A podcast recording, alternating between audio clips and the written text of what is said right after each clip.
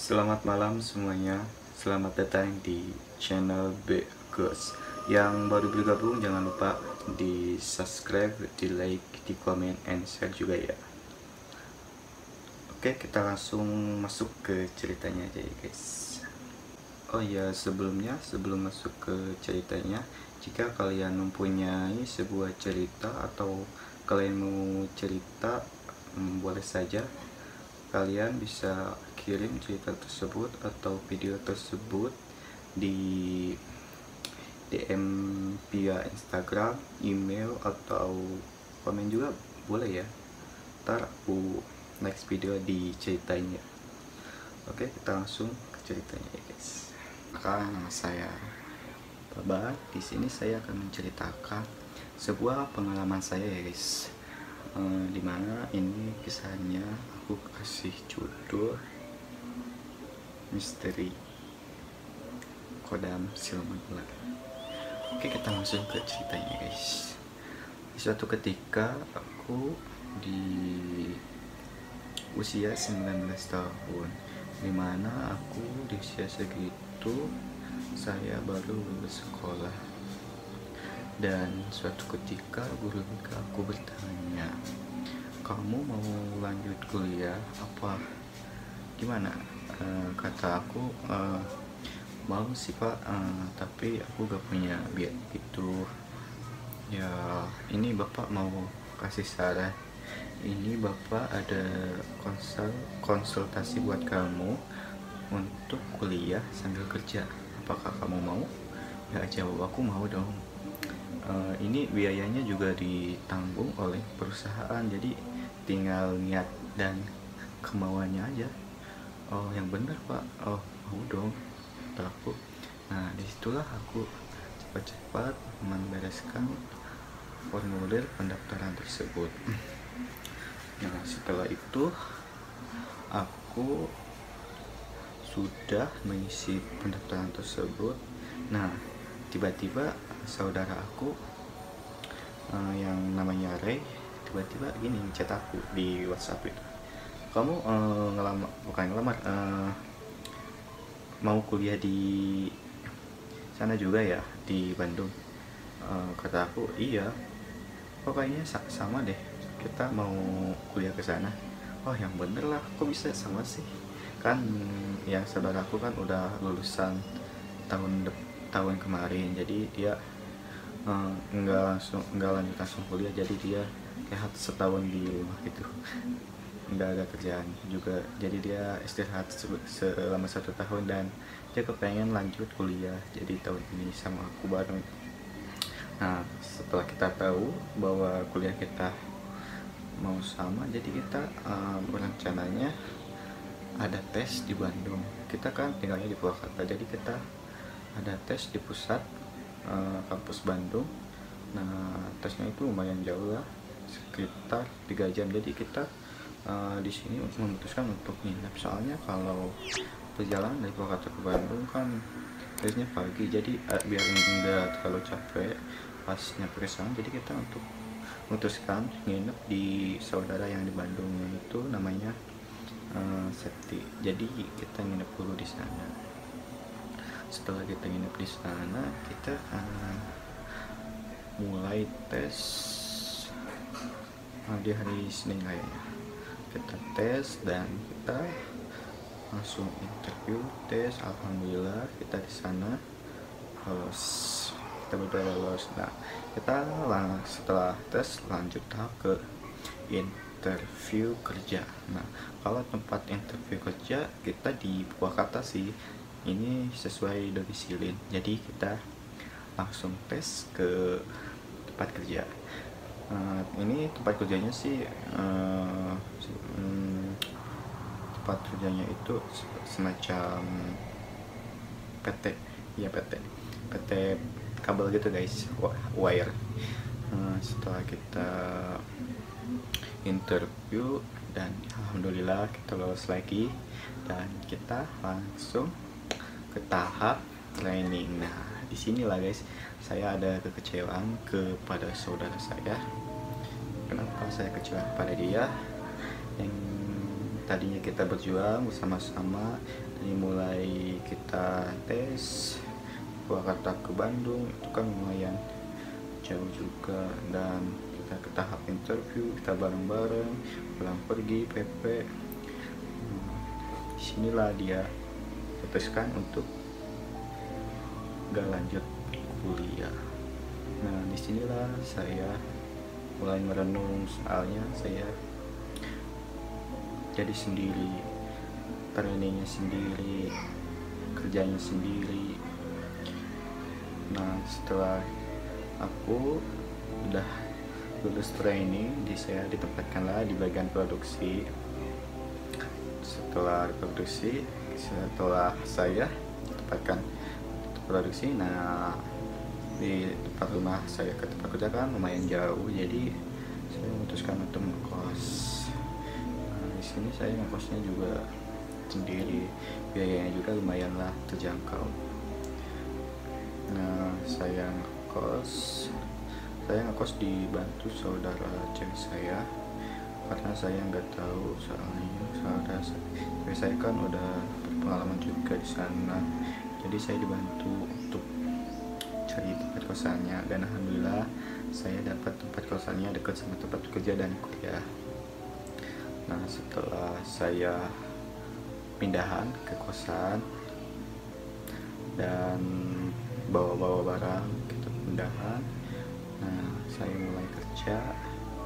Nah di sini saya mulai mulai kesepian karena di kosan di kosan saya ada teman walaupun ada teman kosan di dekat-dekat tapi saya orangnya nggak suka banget bergaul. Saya orangnya penyendiri kalau nggak sama teman di rumah. Atau sama teman luar aku agak kurang apa ya kurang apa ya disebutnya kurang eh, kurang gaul lah. Kurang gaul sama gitu. Jadi aku memutuskan untuk sendiri aja. Jadi pada saya kesepian nah karena kan udah mulai canggih nih cari pertemanan. Pertemanannya uh, bisa di aplikasi juga. Nah aku coba dong cari teman di aplikasi. Ya aku coba kita chat-chat. Nah di situlah kita saya mau teman baru. Dan gak jauh juga dari tempat kosan saya nah dia ngajak ketemu. Nah setelah kita ketemu kita ngobrol-ngobrol. Kita setelahnya uh, kita kan suka main game. Jadi kita sama-sama suka main game kita mawan-mawan dulu makan-makan dan uh, sempat-sempatnya kita tidur-tidur dulu juga. Setelah saya ketemu sama dia dia tiba-tiba ngajak uh, kamu mau kos bareng nggak sama aku? Kata aku ya mau sih. Soalnya aku di sana juga sendiri. Nah, kalau kita kos bareng kan pasti lebih seru lagi. Kata nah setelah beberapa minggu kemudian aku pindah lah kos sama dia. Uh, dan uh, jadi uh, tempat kerja ke kosannya sekarang jadi agak lumayan jauh sih. Uh, jadi saya biasanya kan jalan kaki ke tempat kerja. Uh, jadi sekarang mah harus bawa kendaraan. Soalnya kalau jalan kaki lumayan jauh gitu. Nah setelah beberapa hari kemudian uh, teman aku ada inisiatif untuk mengajak aku liburan gitu. Liburan ke sebuah pantai. Bukan uh, jujur saja ya belum pernah ke tempat pantai lihat lautan luas begitu. Dan itu pengen banget harapan saya untuk bisa liburan ke pantai. Soalnya saya dari kecil sampai sekarang belum pernah. Nah di situlah saya mencoba untuk nabung untuk liburan ke sana dan beberapa bulan kemudian kita langsung TW ke pantai. Kita berangkat ke pantai ada sekitar enam orang. Uh, kita berangkat dari pukul 7 ya, habis sisa deh pokoknya. Kita jadi berangkat setelah isa malam ya. Uh, kita di perjalanan agak lumayan jauh sekitar uh, pokoknya kita nyampe ke tempat lokasi itu subuh guys. Ya, itu lokasinya Purwakarta ke Banten. Jauh banget ya guys. Jadi uh, capek banget pokoknya itu. Uh, setelah kita nyampe dan kita uh, di sana ada yang mendampingi kita untuk mencari tempat penginapan guys. Soalnya kita capek dan lelah jadi memutuskan untuk cari penginapan dulu untuk tidur sementara istirahat. Dan kita ketemulah tempat penginapan tersebut dan kita memutuskan untuk tidur dulu. Kita tidur kan ada enam orang kita jadi berpasang-pasang guys berdua berdua nah, setelah kita memutuskan untuk tidur dulu kita bangun siang. Dan bangun siang kita langsung liburan guys ke pantai kita foto-foto dan berenang-berenang di sana. Nah, setelah kita foto-foto di sana kita memutuskan untuk cari tempat lain. Nah, ada saran kata teman aku kita langsung ke mengunjungi gua-gua gitu guys. Uh, kita langsung menuju ke gua katanya di eh, nggak uh, jauh sih dari lokasi sini sekitar 20 menit. Nah kita cobalah untuk pergi ke gua tersebut. Kita pulang dulu ke penginapan ganti baju dan bawa perlengkapan juga. Oke sekitar 20 menit kita nyampe ke gua Nah, kita mengunjungi ada tiga gua guys.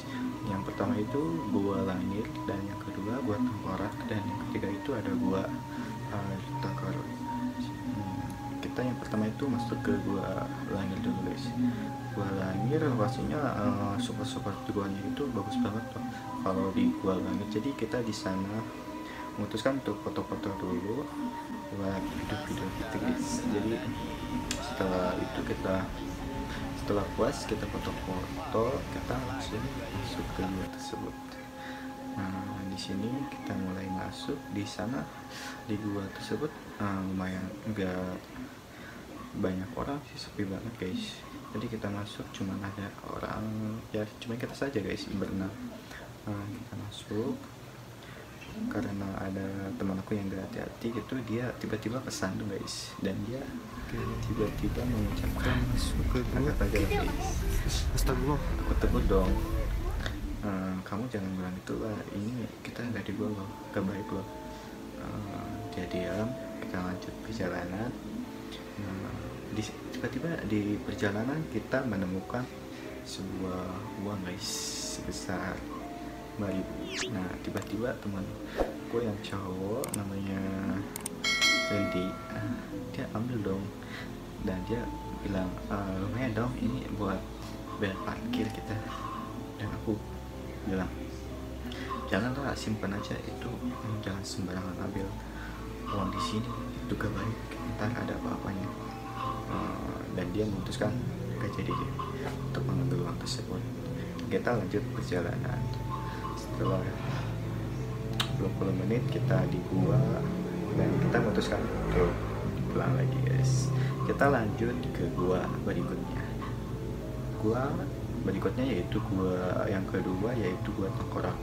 Gua tengkorak lokasinya uh, sama gua langit itu sekitar 10 menitan guys. Nah, kita lanjut ke gua tersebut. Pas kita nyampe kok suasananya agak beda kata aku. Ini namanya buat tengkorak aja udah kayak serem banget di dalam gua suasana aku merasakan agak aneh. Jadi memutuskan saya enggak ikut untuk masuk ke gua tersebut. Itu cuma aku saja sih yang nggak masuk. Teman-teman aku pada masuk aku nunggu di luar sekitar 10 menitan dan dia pun langsung pada balik lagi. Dan kita lanjut ke gua yang ketiga yaitu gua harta karun.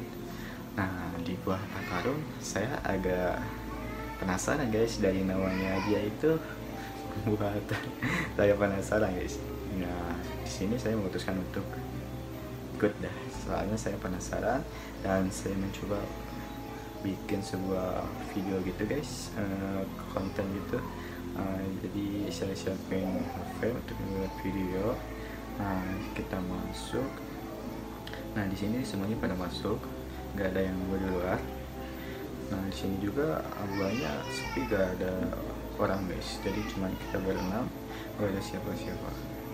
Dan nggak ada pemandunya juga guys. Biasanya kan kalau setiap gua itu ada pemandunya. Nah kita masuk. Nah aku masuk kok di gua ini agak lumayan berbeda guys. Di mana mana ada tempat penggalian gitu guys. Namanya juga gua harta karun ya kali. Bayang kali dia pada cari harta karun tapi kita mah lah cuma lihat-lihat masuk ke dalam. Nah setelah kita masuk ke dalam mentok di gua tersebut Nah, saya menemukan di atas itu ada sebuah benjolan batu dan batunya itu uh, banyak menetesan air gitu guys. Aku coba untuk dia dan gak ada apa-apa sih. Nah, setelah memutuskan untuk itu kita lanjut pulang keluar. Nah, setelah kita beres di yang terakhir itu, Takarun kita memutuskan untuk pulang ke rumah masing-masing lagi guys jadi kita liburannya udah cuma sehari saja dan kita pulang uh, jam sekitar jam 3 jadi kita nyampe ke rumah masing-masing itu sekitar jam bisi saya guys. Nah kita nyampe lah di sebuah kosan. Saya kan ngekos jadi pulangnya ke kosan. Nyampe di kosan saya nyampe jam 7 malam yaitu habis sisa. Kita istirahat. Nah di sini teman-teman aku mulai merasakan ada yang aneh guys uh, tiba-tiba teman aku merasakan badannya meriang. Tapi meriangnya agak ya menurut kalian sih kayaknya ini meriang ya mungkin kecapean soalnya perjalanannya jauh. Tapi kalau badan meriang ya biasa mah kan kalau biasa mah ya cukup minum obat sembuh ya guys. Tapi ini mah dalam beberapa hari uh, badannya itu terus guys. Nah aku coba kayak dia mencoba meminta bantuan kepada aku uh, untuk memijit dia atau mengeruk dia. Aku coba pijit dia dan mengeruk dia. Dan kata aku tapi gantian ya aku juga ini badan agak lumayan pegel-pegel nih. Kayaknya masuk angin dan tapi yang anehnya kok badan aku merasakan berat banget ya. Kata ya, kata teman aku uh, Rizky ini uh, ya udah kita gantian ya. Tapi aku duluan ya. Nah di situlah kita saling pijit-pijit dan keruk kita langsung lah tidur. Nah, setelah tidur uh, kita hari Senin mulai hari Senin ya. Paginya itu hari Senin di mana aku hari Senin itu malamnya hari, mulai masuk kerja lagi guys karena aku uh, kerjanya bagian sip malam guys. Nah setelah malam aku mulai kerja nyampe ke pekerjaan jam 8 guys. Jadi saya mulai kerjanya itu jam jam 9 jadi bilang di kosannya dari mulai jam 8 biar gak telat juga sih. Setelah saya berangkat nah tapi di sini saya diantar oleh Rizky. Jadi aku nggak bawa motor sendiri. Dan motornya juga kan katanya mau dipinjam dulu. Jadi saya diantar sama Rizky. Setelah saya diantar sama Rizky aku nyampe di pekerjaan. Tempat pekerjaan badan aku masih terasa berat. Dan ada nyeri ini kenapa kok bisa gini aku kerja dari mulai jam 8 sampai jam 12 saya merasakan beratnya begitu. Sampai sampai betis aku aja gemeteran guys. Saking nahan beratnya itu. Pengennya itu uh, tiduran guys. Kan aku kerjanya itu menjalankan mesin guys. Jadi aku posisinya uh, berdiri terus jadi nggak bisa duduk dan nggak bisa tiduran guys. Kecuali ya istirahat. Uh, aku istirahat uh, jam satuan itu guys. Yang satu malam. Kita istirahat makan dulu. Setelah makan saya langsung tidur. Dan aku mencoba minum obat. Siapa tahu karena aku uh, ini mudah-mudahan hilang gitu. Uh, rasa berat dan pegel-pegelnya dan aku tidur. Nah pas bangun tidur tapi badan aku malah makin berat guys nah aku coba berusaha kuat melanjutkan pekerjaan tersebut. Dan kan uh, posisi tempat kerja aku kan dari ujung ke ujung itu ada teman-teman aku ya. Jadi uh, posisi mesinnya itu um, berjajaran gitu dan yang di belakang aku itu ditanya e, kamu kenapa kok kayaknya kurang sehat gitu? E, kata aku iya nih kayaknya badan aku kok berat banget kenapa ya? Ya udah kamu istirahat dulu aja sana. E, gak mau ah. Aku aku belum mencapai target masih jauh gimana ya? Gak apa-apa kalau kamu sakit mah kata teman aku istirahat dulu aja. Tapi aku nggak dengerin dia dan aku coba lanjutkan kerjaan tersebut uh, setelah kerja ada jam istirahat kedua yaitu jam subuh. Nah di mana orang-orang lain mah pada pergi ke masjid. Yang biasanya aku juga uh, pergi ke masjid tapi sebulan belakang ini aku udah jarang beribadah gitu. Jadi uh, mungkin aku udah lupa adanya tapi uh, aku coba berusaha tapi gimana gitu. Nah di situ saya yang lain pada ke masjid di situ saya malah tidur. Siapa tahu kata aku oh, bangun-bangun hilang tapi tetap pas dia masuk lagi tetap badan saya malah merasa berat. Nah di situ kita ambil kerja lagi dan saya merasakan begitu beratnya badan ini sambil kerja oh, pastinya itu gak enak banget kerjanya gak nyaman. Nah setelah jam 7 pagi kita bel pun berbunyi kita pulang keluar bubar. Nah perjalanan aku ah, merasakan lapar lagi mencoba untuk beli makanan perjalanan saya menemukan sebuah makanan. Makanan itu namanya odading. Saya mencoba beli odading karena di sana juga saya lagi kepengen juga makan odading. Nah, aku beli. Nah setelah aku beli dibawalah aku makanan itu ke kosan untuk dimakan bareng sama Rizky. Nah, setelah saya sampai ke kosan uh, aku ketuk pintu.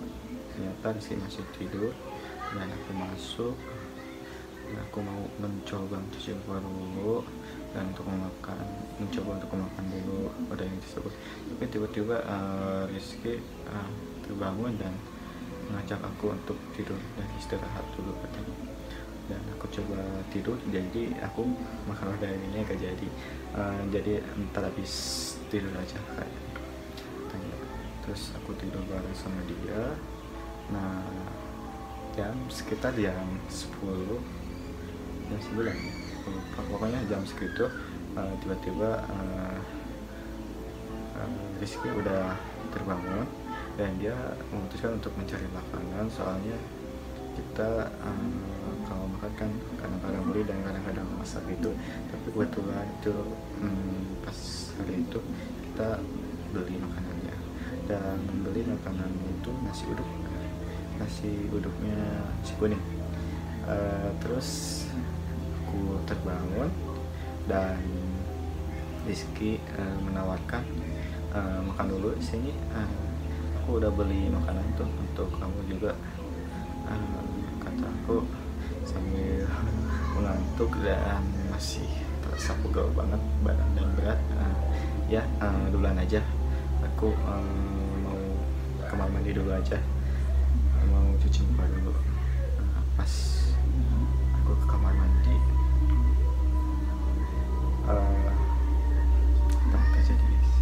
biasanya kan kalau toilet ya toilet kan biasanya is isinya itu kan air.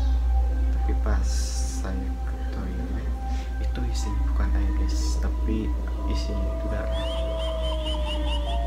gimana ceritanya itu guys? Bukan air tapi darah merah darah. Nah, di situ saya kaget guys. Dan saya mencoba keluar karena shock dan aku keluar Rizky bertanya kamu kenapa kok mukanya pucat banget kayak orang sakit? Nah pas saya menghampiri Rizky tiba-tiba badan aku lemes dan saya jatuh pingsan di hadapan dia. Dan di dan Rizky mencoba membangunkan saya di sana. Uh, Ben bangun Ben. Bangun kamu kenapa? Jangan bangun. Dan dia panik guys dia mencoba untuk mencari pertolongan. Dan adalah teman kosan sebelah cewek sih. Uh, dia meminta dia dan meminta bantuan. Ini kenapa ya kok tiba-tiba dia terpingsan cobalah uh, kamu hubungi keluarganya. Apakah dia punya riwayat? Oke. okay.